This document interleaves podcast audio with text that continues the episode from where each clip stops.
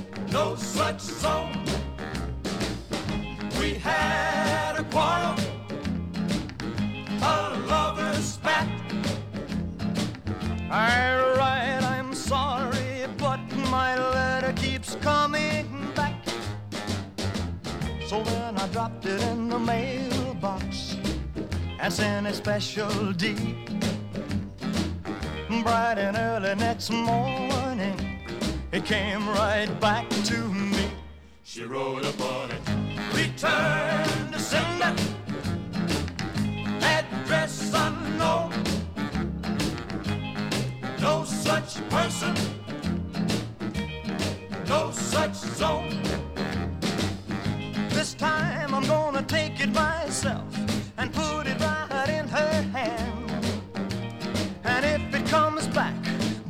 very next day, then I'll understand. Writing on it. Return to sender. Address unknown. No such number no such zone. Return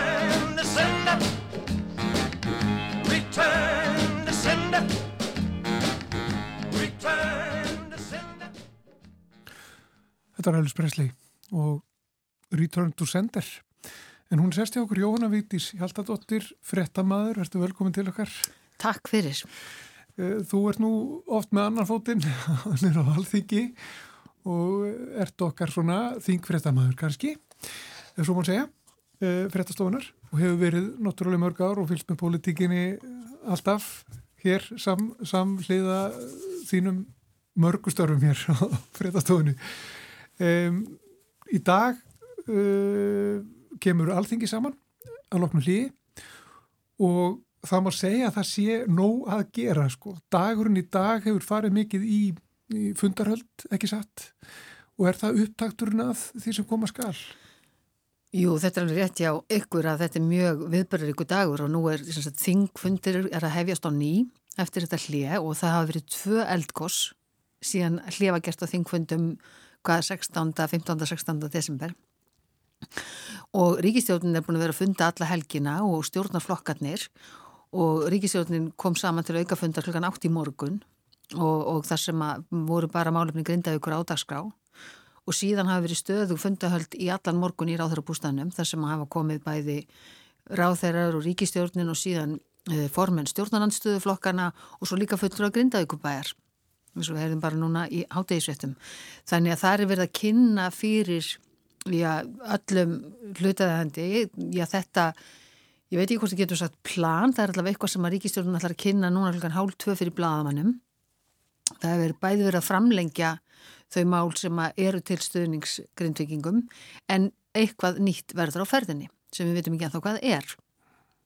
Og þetta hefur verið kynnt í, í morgun og ver, er það líklegt að þetta verið tekið fyrir þá uh, mögulegar aðgerðir breytingar og lögum jafnvel eitthvað slíkt að það verið tekið fyrir bara mjög snemma á, á þingi? Já, það er nú afar líklegt. Sko, nú veitum við ekki fyrir klukkan hálf tvö nákvæmlega hvað þau eru nema það að, að maður er svona séð að haft eftir þeim formunni stjórnarnarstöðu flokkana sem að hafa komið út af fundinum á ráðhrabústanum að þetta sé of lítið þannig að, að hérna, það er auðvitað kunnulegur tón mm -hmm. en ríkistjórnum mun kynna hvað þetta gera því það, það er að framlengja í einhverjum aðgerðum sem áttu þá að duga út í januar, það er að framlengja þar aðgerðir og síðan fer það eftir í hvers konar stuðning þau eru að kynna þá þarf auðvitað að leggja fram lagafrumvörp eða að breyta lögum og taka það fyrir á þingi og þá myndi maður halda að þetta þetta gerast bara á allra næstu dögum. Dagskráð þingsins í dag er þannig, þegar að þingfundir hefjast á ný, er að Katrín Jakobsdóttir fórsættisráður er að flytja þinginu skýslu. Skýslu um stöðuna í Grindavík. Svo fara fram umræður um hana. Síðan eru, eru óundubúna fyrirspurnir eins og er alltaf á þessum tíma mánundum og síðan vera mæla fyrir nokkru málum. Mm. Þannig að það er ekkert annað komið á dagskrá og það var engin ný þingskjöl verið lögð fram síðan held ég 16. desember þegar að hlifa gert á þingvöndum.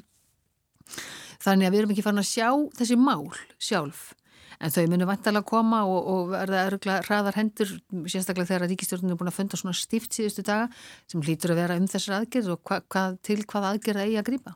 Já og meðan að þetta, þessir fundir allir fóru fram í morgun sem að þú nefndir sko þá þurfti líka forsendi alþingis að funda með uh, formunum þingflokka. Já sko það er alltaf gert á mánundasmótum það eru bara verða að fara yfir dagskrána því að hérna jafn mikið og það tekist á inn á alþingi um hinn ímsu ólíkum ál, þá held ég að það sé alveg óhætt að fullir það að fórsetið þingsins hefur venilega mjög gott samstarf við þingflokksformin allra flokka um dagskrá þingvikunar og hvað ég að taka fyrir. Auðvitað núna svolítið óljóst hvernig, svo, um, hvernig þessi þingvika blasir við eða hvað verður tekið fyrir vegna þess að Inga Stæland hefur búið á andrustilögu á Svandísi Svavastóttur. Svo tilega er ekki komin fram, þannig að ef hún kemur fram í dag þá verður hún lögð fram bara hlukan þrjú myndi ég halda. Já. Og greitum og... hana aðkvæði strax í kjölfarið eða? Nei, hún tilagan kemur bara fram og, og þá er það þannig í þingsköpum að þá á að taka hana fyrir eða til umræðu við fyrsta mögulega tækifæri og þá gefum að sér að fórsetið þingsins fundi með þinglósformanum til þess að velja heppilegasta tíman ef tilagan kemur fram í dag þá verður hún rætt sennilega, það er ekki óleiklegt hún verður rætt á miðugudaginn en ég held að það, sé, það er bara gert í samgómulagi og vantrustila er alltaf tekinn fyrir við fyrsta mögulega tækiveri. Mm -hmm. Hvaða önnur mál eru svona liggur í loftinu að þurfu að taka fyrir núna? Ég rafurkumáli verða þetta stór og fyrirferða mikil á þessu þingi. Ég held að það sé alveg deginum ljósara fyrir auðvitað svo bara efnahagsmálinn í víðu samhengi það er mjög viðkvæmur tími hérna núna með í, í, gagvart samningum á vinnumarkaði og, og þessi barátta við verðbólk og vexti. Og það eru auðvitað eitthvað sem verður að koma til kasta alþingis að fjallum þau mál og geri það óneitanlega.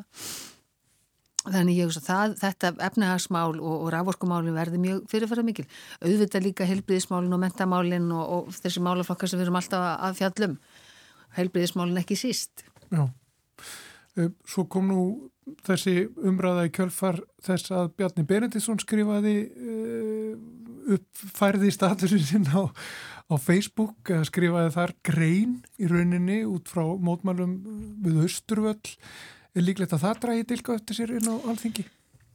Mér finnst afar sennilegt að Bjarni verði spurður út í þetta sem auðvitaðrikiðsráð þeirra og hann er reyndar ekki, ef ég mann rétt í óundbúnum fyrirspurnum í dag en hann er á fymtu daginn og það búið að bóða fjölmenn mótmæli núna við upp af þingfundar þannig að auðvitað kemur þetta á einhverju stígi til umræðinni í þingi, það gefur auga leið mm. og það er mjög eðlilegt að spyrja auðvitaðrikiðsráð þeirra út í þessi skrifans Og svo er náttúrulega annað sem þið eru ekki búin að nefna, það er auðvitað álit umbósmanns alþingis gagvart eh, þessu tímaböndinni kvalveðibanni matalar á þeirra.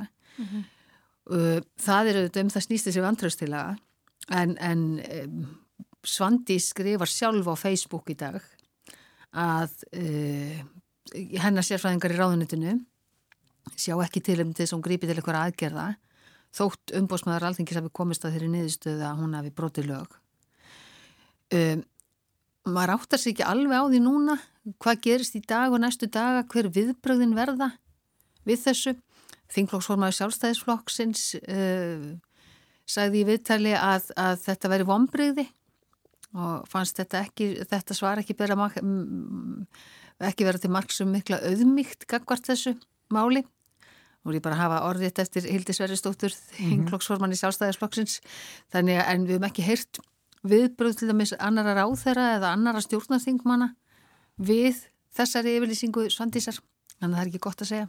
Já, svo hefur náttúrulega leiði loftinu uh, þetta svona, já, ég voru að segja, ríkistjórnarsamstarfið það standi veikum fótum, það lítur að hafa áhrif líka samskiptin þar eh, inn í ríkistjórninni lítur að hafa áhrif á bara gangmála Eh, á þinginu og hvernig gengur að koma málum í gegn og hvað á að setja í forgang og svo frávís?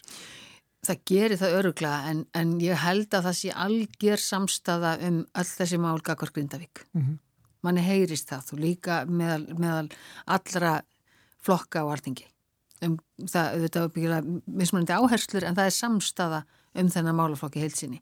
En auðvitað hefur það þegar það er farið að koma svona mörg mál upp sem tengjast ríkistjórnum með einu með öðrum hætti og einhvers konar ósamkomalag millir stjórnflokkana þar sem er, er kannski mjög viðkvæm mál hjá vinstir grænum ef að sjálfstæðismenn fara svo poti í það og öfugt það auðvitað fellur ekki í góðan jærveg og mm. það er ekki til þess að treysta samstarfið mm. Ef ekki væri fyrir þessa stöðu í Grindavík og mikilvægi þess að breyðast við henni og samstöðuna Eh, innan flokkana og innan ríkjastjórnarinnar eh, hvernig væri staða stjórnarinnar þá ef að þessi rauninni eh, grunnur sem þau geta staðið saman á væri ekki til staðar núna Það eru þetta alltaf erfitt að spá í ef-spurningar að því að líka vegna þess að, að Grindavík og, og þessar náttúruhamfarið þar eru staðreint Eflust væri ykkur önnur mál núna sem væri hæst ef ekki væri fyrir þetta gríðarlega stóra verkefni sem stjórnvöld standa fram með fyrir, það geta að segja annað. Þetta er algjörlega ásir ekki hliðstæðu, varla, auðvitað versmannegar fyrir 50 árum, en, en þetta er svo stórt verkefni og, og það er svo mikið í húfi hjá, fyrir fólk sem er að missa heimili sitt að þess vegna er, er mjög mikilvægt að það sé samstæða um alla þær aðgerðir. En við vitum það að uh, þessi ríkistjórn er bara ráðin búin að klára sko sjö ár saman þryggja flokka ríkistjórn sem verður nú held ég að teljast ákveð við veitum að það verður kosið á næsta ári. Það á að kjósa 2025 og það búið að búið að fórstakostninga núna fyrsta jóni ég held að hafa alltaf áhrif á stórumyndina og ef það kjörtíðanbilið er fjögur ár þá ætti að kjósa í loks eftirber á næsta ári en, en, en við höfum svona heyrst heilmikið af því að það sé farið að tala um það að hafa kostningar að voru í og auðvitað lítur það að hafa þá áhrif að þegar er þetta stutt eftir kannski af kjörtíðanbylunu. Rámálflutning stjórnmálamanna Já og, og, og það, að, að, að, það að ríkistjórnin klári tímabilið saman. Já. Þú búin að fylgjast lengi með stjórnmálum, Jóna Veitis. Er þetta, er eitthvað óvunulegt núna við þetta ástand?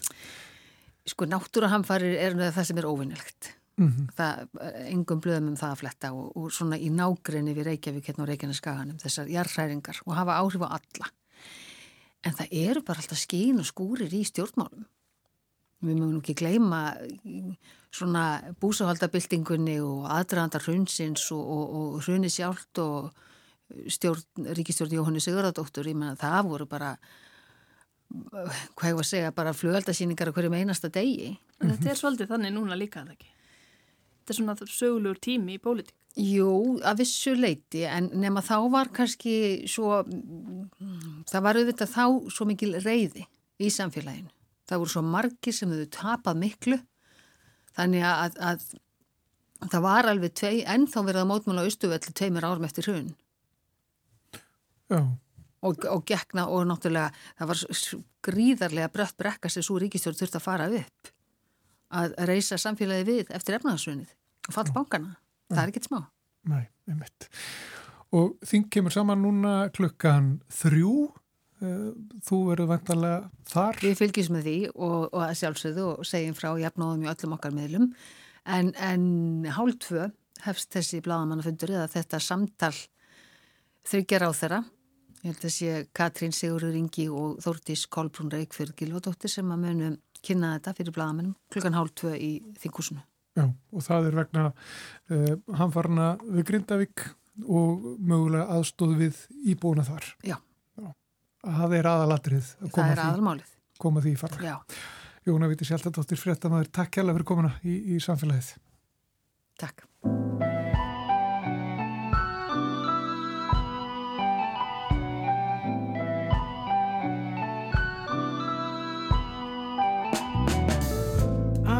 Admit I felt confounded when I saw you looking over at me.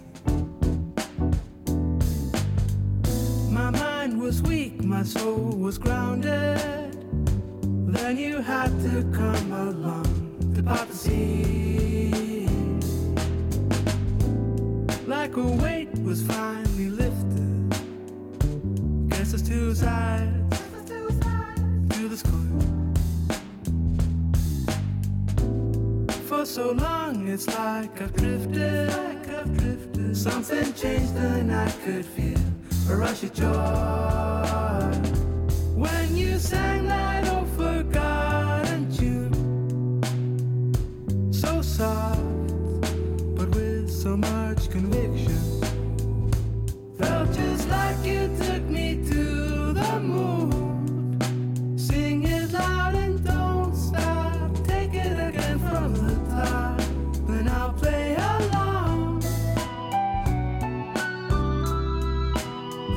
I would resist.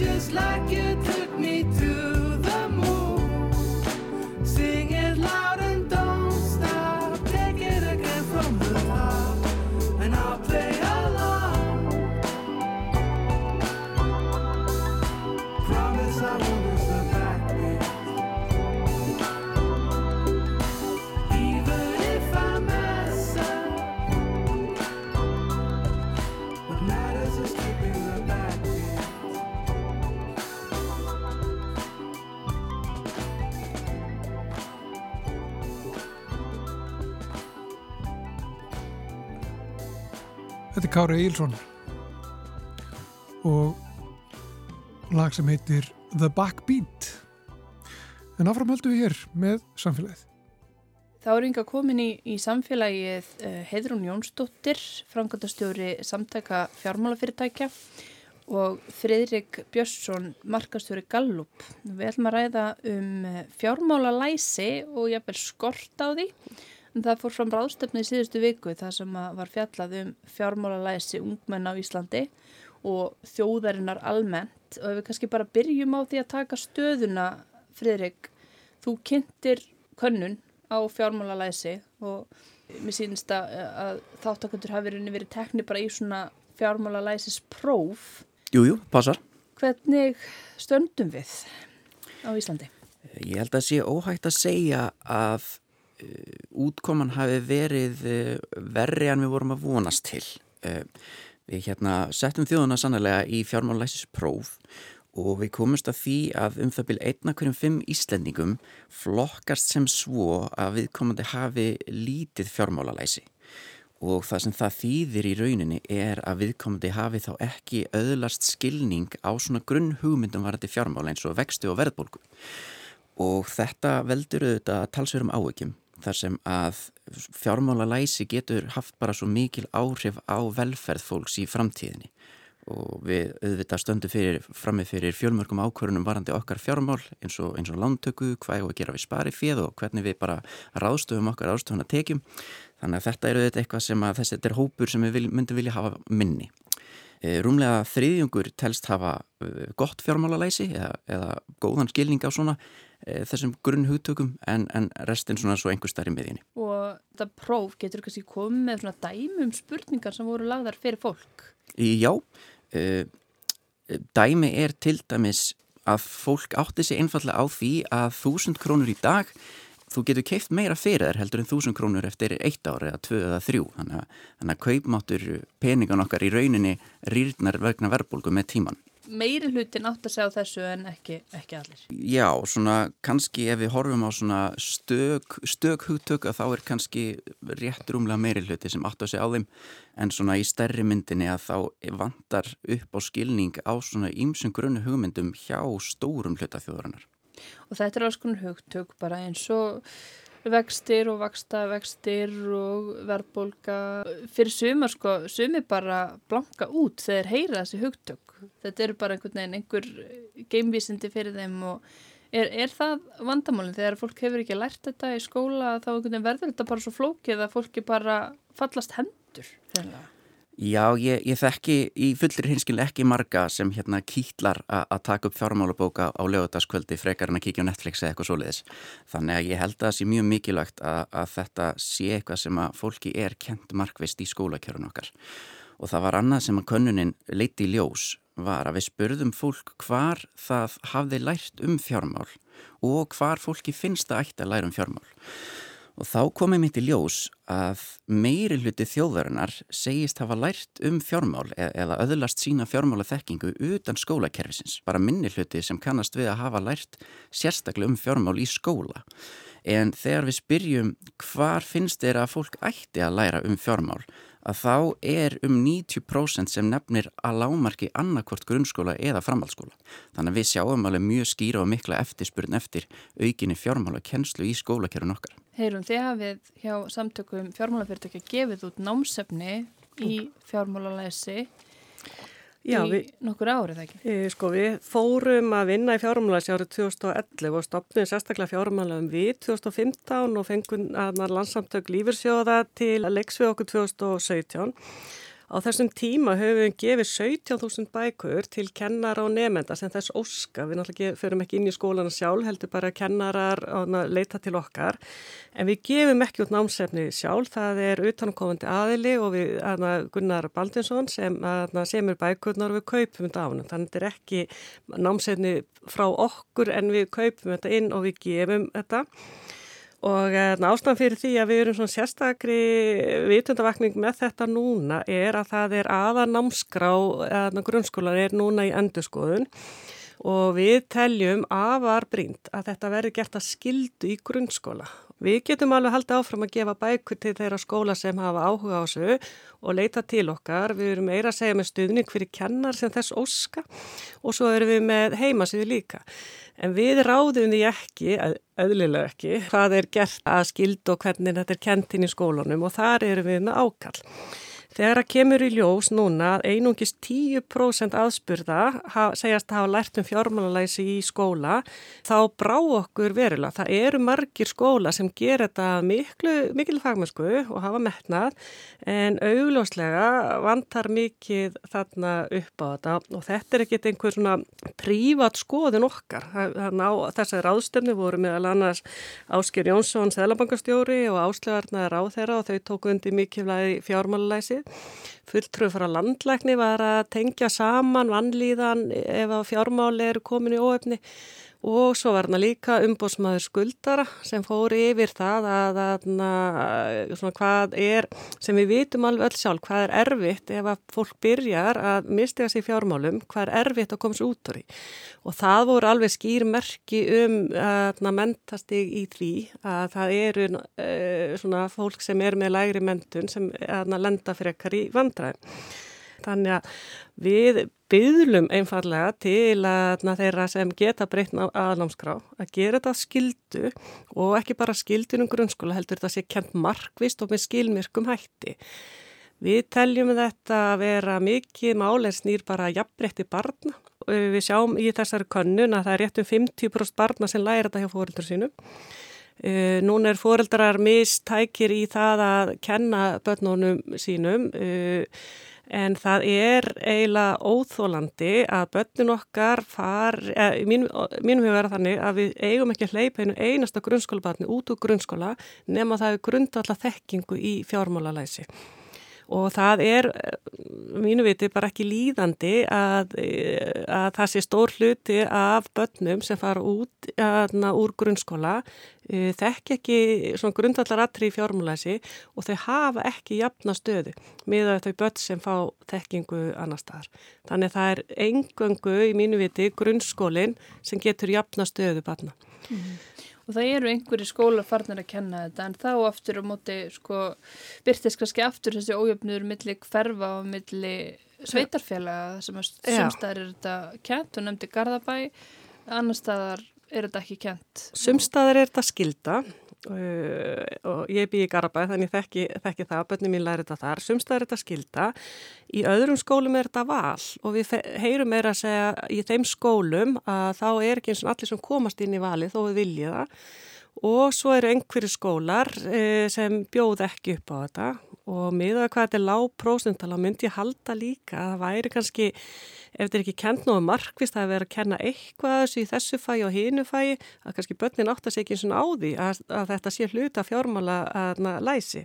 Sko það, ég held að ég hef nú ekki lært eitt sérstaklega um fjármála læsi, maður læri þá vakstareikning og eitthvað slíkt og svo erum við Íslendinga við förum snemma út af vinnumarkan þannig við förum snemma bara að fá launaseðil og annað En það er mjög algengt að veit ekki hvað, hvað er skattur, hvað er lífyrirsjóður, hvað er orlof. Uh, kunna að lesa gegnum launaseðlum, er ég að fá rétt, rétt laun, uh, hvernig ná ég að spara, á ég að forast að skuldsetja mig. Og það sem er, við þekkjum líka að það er mjög mikil samfélagspressa á ungmennunum okkar í dag. Það er allt annað umhverfið sem mín börn lifa við heldur en ég gerði á, eða mín, minn árgangur gerði á sínum tíma. Svo er hraðinn svo mikil börn geta verið bara inn í herbyggjum sínum og skuldbundi sig á hans að fóreldrar endilega vita og það er alveg merkjum, eða dæmið það að börn eru með kreditkort fóreldrar sína tengt við einhverju tölvileiki og annað og átt að sig kannski ekki endilega á hvað þeir eru, eru að gera. Já, svo er þessi smálán og það umhverf allt sem að kannski býður hættunni heim. Og við þekkjum það alveg öll, einhver dæmi þess að það er svo auðvelt einhvern veginn að koma sér í smáskuldir. Þú ert að fara, fá því smá yfirdrátt til að klára einhverja framkvæmdir, fara til útlanda, bílalán eða, eða slikt. En það er mjög flókið að vinna sér út úr því.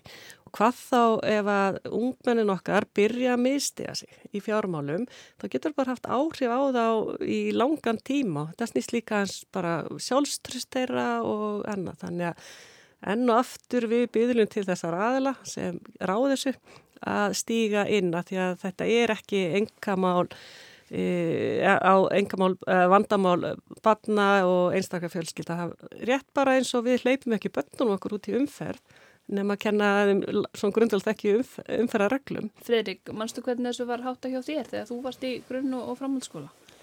Lærðir eitthvað um fjármál? E, já, ég man ekki til þess sjálfur að fjármál hafi verið kend sem eitthvað svona sér fyrir bara í grunnskóla. En kannski það er stundum hægt kannski að yfirfæra þekkingu í einu fægi yfir á aðrar aðstæður kannski skrítið dæmum það að mér fannst einn besta íslensku kjenslan sem ég fekk uh, starfræðikjenslan í Vestló en það var svona ákveðin raukfræði sem var kjent sem að mér tókst svona yfirfæri yfir á rítgerasmíði en það er ekkit alltaf uh, alltaf svoleiðis að, fólki takist að, yfirfæra eitthvað sem að læri einhver ákveðinu samhengi yfir kannski á svona raunverulega aðstæður.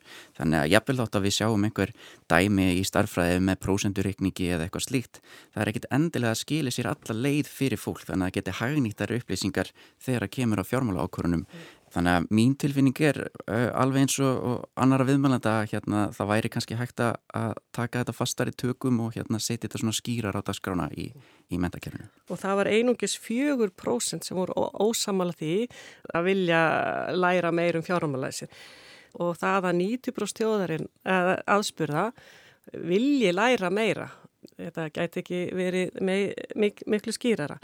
Það er aðeins sem að bæta hérna við að það er, það er rétt um 43% sem læra um fjármálæsi á vef, vefmiðlum hættan er svo, við þekkjum alveg hvað hættu geta verið á aðna, vefnum. Við hjá SFF erum líka svona aðvara fólku um netsvík og annað að hleypa ungmennum okkar eftirslaus á vefin, það er hægt að leiða það áfram bæði ránga kennslu og bara, já, meðal annars bara með skuldsetningu og annað Þá ættu við einhver svona námskeið sem kosti eitthvað og ég kenna þér að verða hérna, miljónamæringur. Já, keftu bitcoina eða já, eitthvað slíkt. Sko. Nei, veist, maður veit svo sem ekkit hvað þau eru að læra. Þetta getur verið á TikTok bara frá einhverjum sem veit ekki betur og svo líka Við á Íslandi við búum við eh, sérstaklega umhverfi, þessi verðbólka og annað þetta er ekki all, þannig að það sem á kannski heim í bandaríkinu og á ekki heima hér. Nei, það er að læra eitthvað sértækt um ja, þjóðarskútuna og þessa, ja. þessa olgusjó sem við erum ofta að sigla. Og með fullir viringu fyrir áhrifavöldum, ég er ekkit vissum að þau séu öll eh, endilega uh, sérfræðingar í fjármál, fjármálum. Enn og aftur þetta þarf að vera samrænt og heildrænt kennsla og skilda. Og hvað er svona raunhæft ef við hugsun bara um þekkingu ungmenna við útskrift úr grunnskóla eða þegar þið farin í, í, í lífið eftir, eftir framhaldsskóla 19-20 ára á hverju ættu þau að kunna skil? Mikilvægt að geta einmitt lesið launaseðilinn, hvað fleira? Eh, bara líka eh, sko, hver er réttu minn sem neytandi?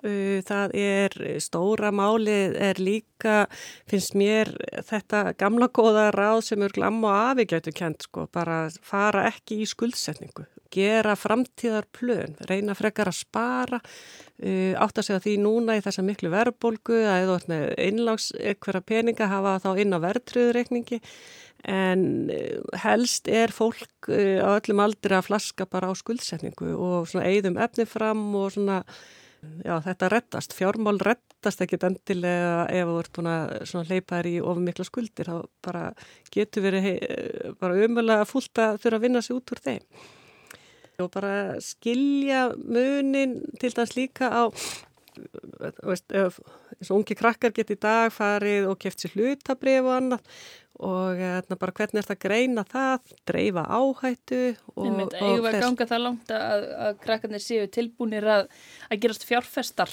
átjónara?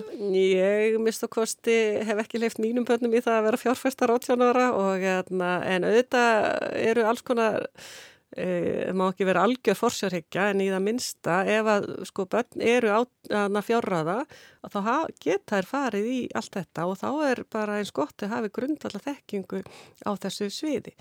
En svo líka eins og aftur að hraðanum og mikilvægi þess að spara að þegar að dótti mín var átjánara þá síndi henni bara í símanu einfallega, stopnaði netbanka fyrir hana, e, fór inn á lífyrsjó og leta hana bæta við sko sérregnarsparna sem er 2% auka lífyrsjósframlag Ég er ekkit vissum að öll börn gerir þetta eða allir fóreldrar leiðbyrnu börnin sínum í þessa átt, við verðum að tryggja jafnbræði barna. En aðna, ég vil hins vegar ítrekka það að það eru margir skólar að gera þetta vel og það eru, við erum samskiptið með marga frábæra kennara sem fara vel í þetta og ég hef ekki áhugjur af þeim skólum. Ég hef áhugjur af þeim skólum þar sem þetta er lítið eða ekki kent. Eða þá þar sem þetta búið upp á val og börn komist ekki að. Uh, að lókum bara við stöndum svona kannski ekki alveg nógu vel á Íslandi en það komir svolítið óvart að sjá kynninguna þína Fredrik að þar kemur fram að þegar hortu til Evrópulanda heild þá stöndur Ísland sig bara hansi vel við erum í rauninni að skara fram úr hérna mörgum mörgum Evrópulandum. Já við vorum með samabur við 27 önnur Evrópuríki og vorum þarna í kannski sjötta sæti eða svo þegar kemur að fjármálalæsi en þrátt fyrir að við vorum þarna ofalega að þá, þá má hafa í huga að fjármála læsis svona engunar voru almennt ansi lágar. Þannig að í staðin fyrir að svona rosa happi yfir því að við erum hærri en mörg Evropalund e, þá myndi ég kannski setja áhersluna á að skoða það eru, eru börnin okkar og erum við með þessa grunnfærni sem þarf? Kannski í einhverju myndlíkingu að þá hérna væri við ekki ánað með að vera læsasta þjóð Evrópu ef að bara lítið hluti geti lesið sér til gags til dæmis. Þannig að ég myndi svona setja fyrstu áherslu kannski á að hérna að skoða eru við með þessa grunnþekking á fjármálum þannig að við getum svolítið tekið upplýstar ákvarnir eh, fyrir okkar svona fjárrakslega líf og síðan kannski farið að skoða sambörun. En jú, eh, hérna staðan er litlu skári í mörgum öðrum Evropalíkjum þessu samhliða þá sendi hérna Evrópusambandi, tala bara um að sé wake-up call fyrir Evrópuríkin þannig að þau eru í nákvæmlega sömu, sömu verkefn og við að reyna að ebla þetta. Að lókum bara, sko, þið trúið því að þessi fræðisla skipti sköpum að þessi bakgrunnsþættir til dæmis bara efnahagur foreldra eða eða svona það umhverfi sem börnin koma úr að, að sko, geta allir staðið jafnfættis þegar kemur að, að fjármálum og farið jafnfættis út í lífið bursið frá bakgrunninum með svona fræðslu.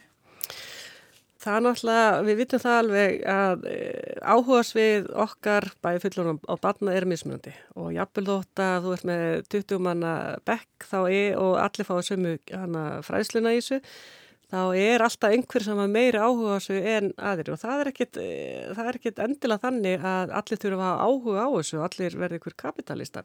Heldur engöngu það að þetta er svo meira að forða, reyna að forða fólki frá, hvað maður segja, bara óheipilegum ákvörðumtökum sem hefur bara á, áhrif á allt eitt líf. Já. Takk kærlega fyrir að ræða við samfélagið um þetta mikilvæga mál fjármála læsi ungs fólks. Heyri, við takkum fyrir. Björnsdóttir og Friðrik Björnsson. Takk fyrir.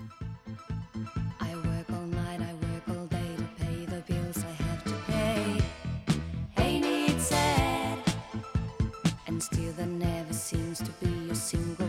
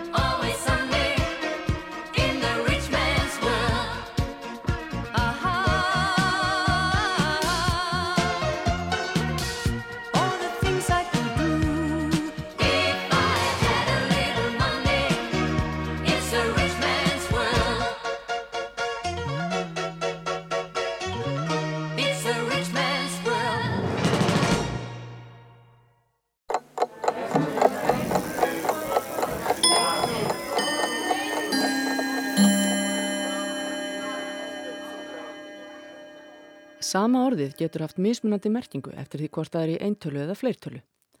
Það á við um nafnorðið gagn sem hefur ímsar merkingar meðal annars sértækar fleirtölumerkingar. Í merkingunni nót eða nýtsemi er það ekki haft í fleirtölu. Við getum sagt heldur það að þessi gagna þessu í eintölu en við myndum ekki segja heldur það að þessu gögna þeim, heldur gagna þeim. Í merkingunni hlunnindi er gagn yfirleitt haft í fleirtölu, gögn. Til dæmis er talað um jörð með öllum gögnum og gæðum, það er að segja öllum hlunnindum og ítökum sem henni fylgja. Það sama á við þegar merkingin er upplýsingar. Þá er alltaf nótuð fleirtalan gögn. Það er mjög velhæfnu þýðing á enska orðinu data, þar sem almennt er alltaf talað um gögn en ekki data á íslensku.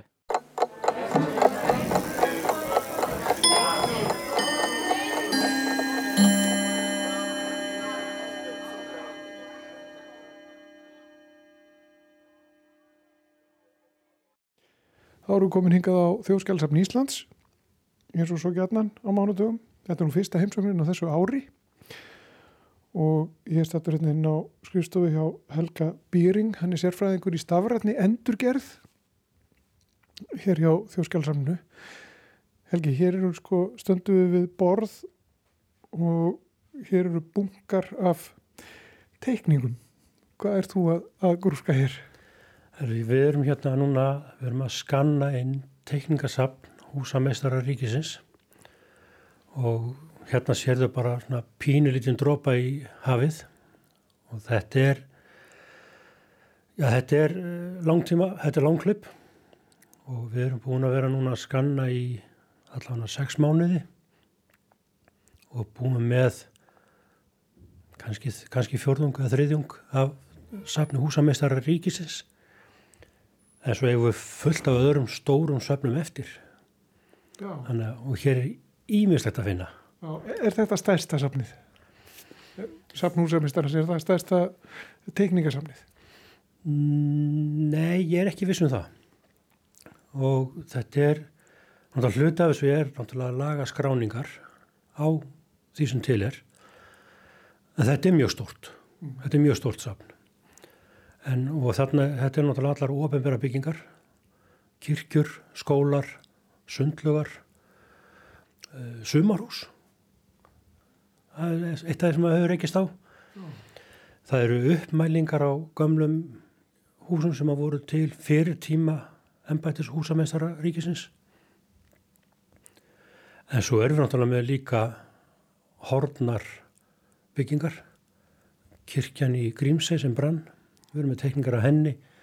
Við erum með tekningar bæði í húsameistara og öðrum söfnum frá húsum sem hörfundur hraun í Vestmannagjum svona í ljósu nýliðina atbyrðaði Grindavík. Mm -hmm. og við erum eiginlega með sögu, svona menningaminja sögu húsa þróunar byggingalistar á Íslandi öll svo flóra er í þessu safni. Og, og það voru náttúrulega nokkru húsamöðstöra frægastur var kannski Guðjón Samuelsson til dæmis teiknaði hann sundlauna gömlu, gömlu sundlauna í Keflavík svo var mikla deilur um hvort þetta rífið ekki. Mitt álit að það er svo húnit hús. Ég bý í Keflavík. Þannig að Þetta er fjölbreytt. Þetta er mjög fjölbreytt, mjög fjölbreytt. Og einhver húsvæntalega sem aldrei risu? Já, það fylgta þeim. Uh, Fangilsbygging sem átt að vera í Mósarsvitt var aldrei reist. Þegar við varmána, það rakst já í safninu. Og svo er náttúrulega öll þróun Hallinskirkju, þjóðleikhúsins, allt sem hefur gert fyrir alþingi, bæði húsið og, og fyrir sérviðbörði. Það eru tekningar sem tengjast konungsheimsókninni, hvernig einhverjum torrbæðum eða bóndabæðum var breytt í fín gistihús og, og, og veitingastadi. Þannig að þetta er ofbóðslega fjölbært. En við erum tveir sem er skiptumst á á að skanna tekningarsafnið og, og svo á mótu eru að skanna gamla brevabækur líka. Og hvað kemur fram í þeim? Það er ímiðslegt. Það er bara frá, já bara allt sem snýrað samfélaginu. Það, þar er, er að finna upplýsingar um, um uh, barnsfæðinismál, þar eru upplýsingar um, um vegagerð, skipulagsmál og svo bara reikningar, þetta klassíska. Þannig að það er raunum bara allt sem snýrað mannlegu samfélagi. Og það er verið að koma þessu öllu á stafrænt form núna.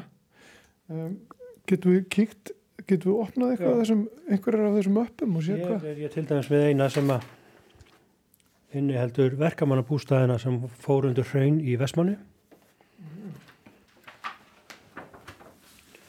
Og þessar tekningar eru í, í, í, í þokkalegu standi en það er náttúrulega allur gangur á því sko sem eru mjög í mjög slæmu standi þannig að þarna viðgerar áður en getur skannað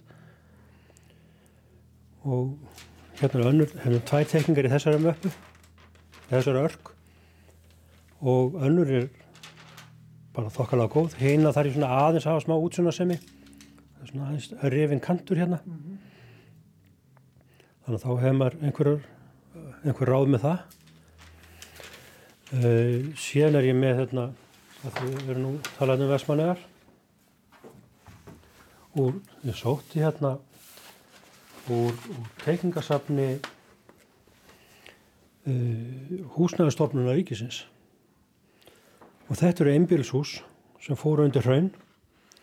Þetta var við austuðu fjögur. Þetta var bara það voru bara ný hús. Þetta, eða þetta tildækna hús. En svo sér þá er þessi tekningi bara mjög góðu standi. Svo er endar hérna er ég með frá þetta er Millibakkaskóli og er í Keflavík. Það er einn af þessum skólum sem eru búin að berjast núna við þessa illræmdu miklu og, og sá svo bygging er að ganga í gegnum feiknarlega mikla vikirir og endur byggingu að mörguleiti hérna horfum við til dæmis á, á Íþróttahúsið sem þá hétt Fimmleikahús það eru grunntengningarnar það eru útlistekningar og svona einhver útfæslur sem átt að gera. Með þessu rörafestingarnar er í þessu.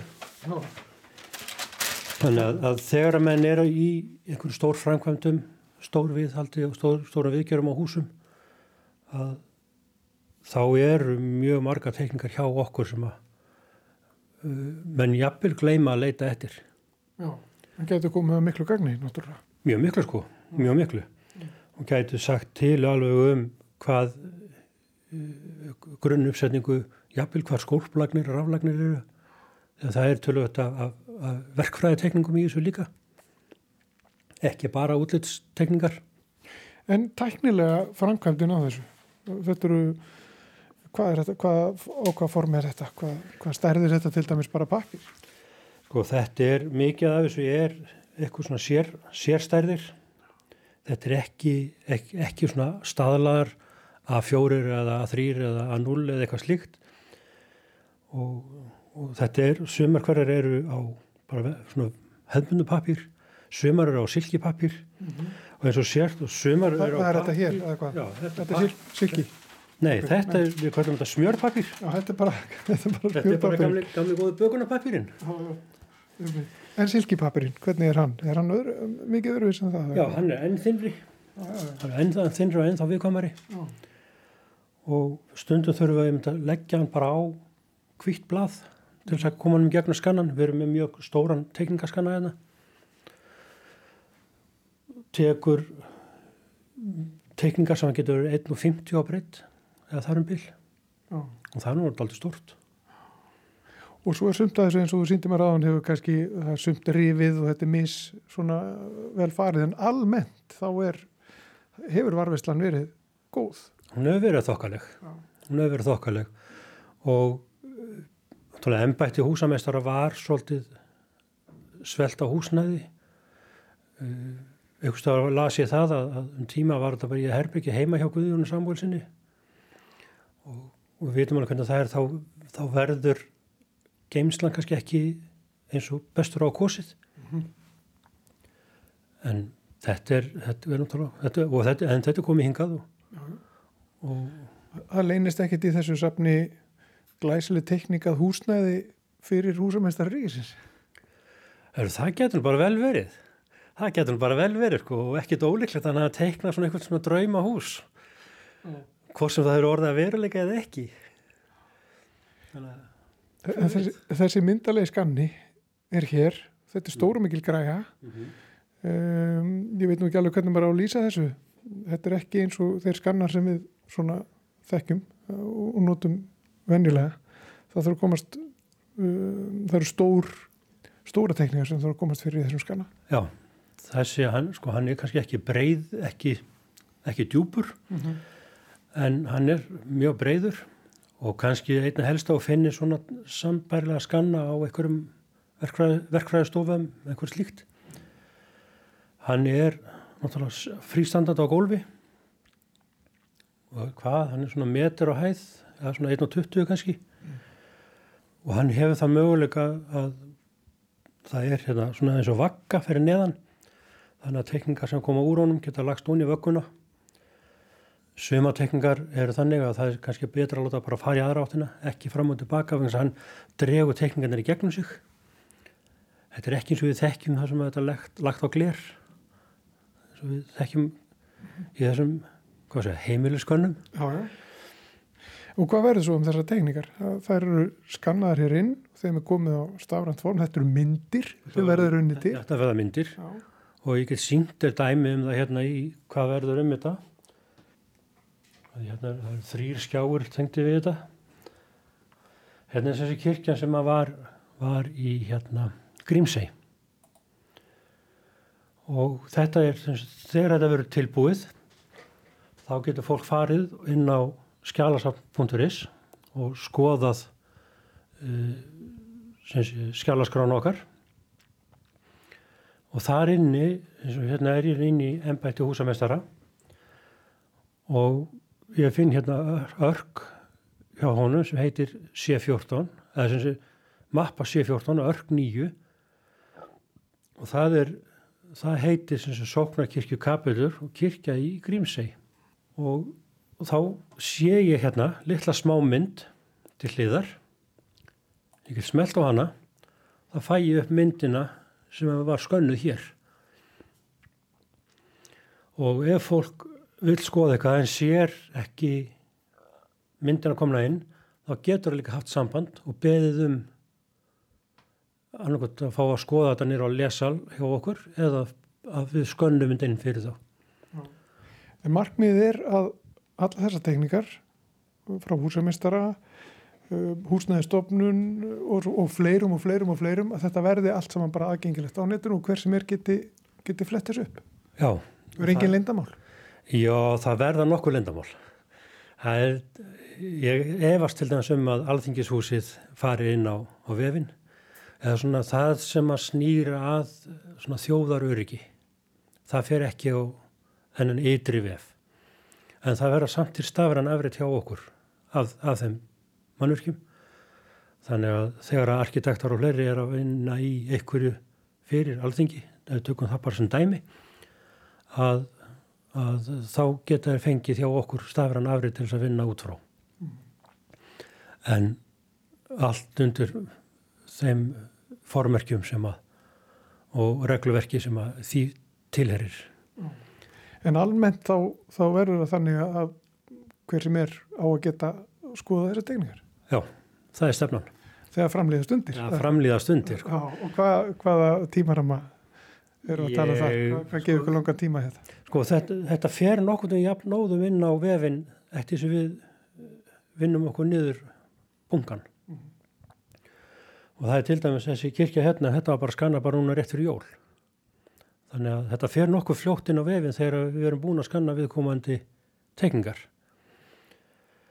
En hvenar þetta verið búið? Ef ég á að giska svona út í loftið Við erum búin að vera núna í, segjum, hálft ár með þriðjung kannski, eða rúma þriðjung.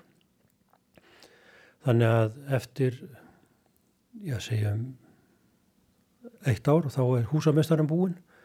Þá er það byggingastofnun landbúnaðarins, bygging, ja, byggingasveit nefnd landbúnaðarins eða, eða teiknustofa sambandsins eða einhver arkitektar, húsnæðistofnun, þannig að það er að næga taka. En enn og aftur, sko, ef, en, ef ykkur sér ekki það sem hann er að leita að inn á vefnu hjá okkur, þá erum ekki að hafa samband. Það gildur um, þetta eins og önnur skjöl hér. Já, já, já, já. já. Meina, við, erum, við erum ekki meðnum að bara 49 heilli kilómetrar á skjölum. Já, og það eru nokkuð blöð. Eh, En núna fyrir við að tala um þetta kannski bara í, í þegar við erum að tala um svona stafrængögn. Ertu með einhverja töl á það? Ertu með einhver terabætt eða eitthvað slíkt? Nei, ég er nú ekki með það í kollinum, en ef ég maður rétt að þá erum við komin, búin að skanna eftir 40.000 myndir. Já, Þannig að það er nú orðið drúgt. já. Hvað þetta kemur til að standa í lokin, ég þóra ekki ekki skoða, sko. það, það, það er mikið. já. Helgi Býring, sérfræðingur stafræðni endurgerð. Takk fyrir að taka mót okkur hér. Takk fyrir að sína okkur þessar teknikar frá húsamestar ríkisins og segja okkur frá ykkar störum. Og þessari heimsókn okkar á Þjóðskjálasafni Íslands ljúkum við samfélaginu þennan mánudaginn. Já, verðum hérna aftur á þrýðu degi á morgun. Já, Guðmundur Pálsson og Arnildur Haldunadóttir þakka fyrir sig. Heyrust á morgun.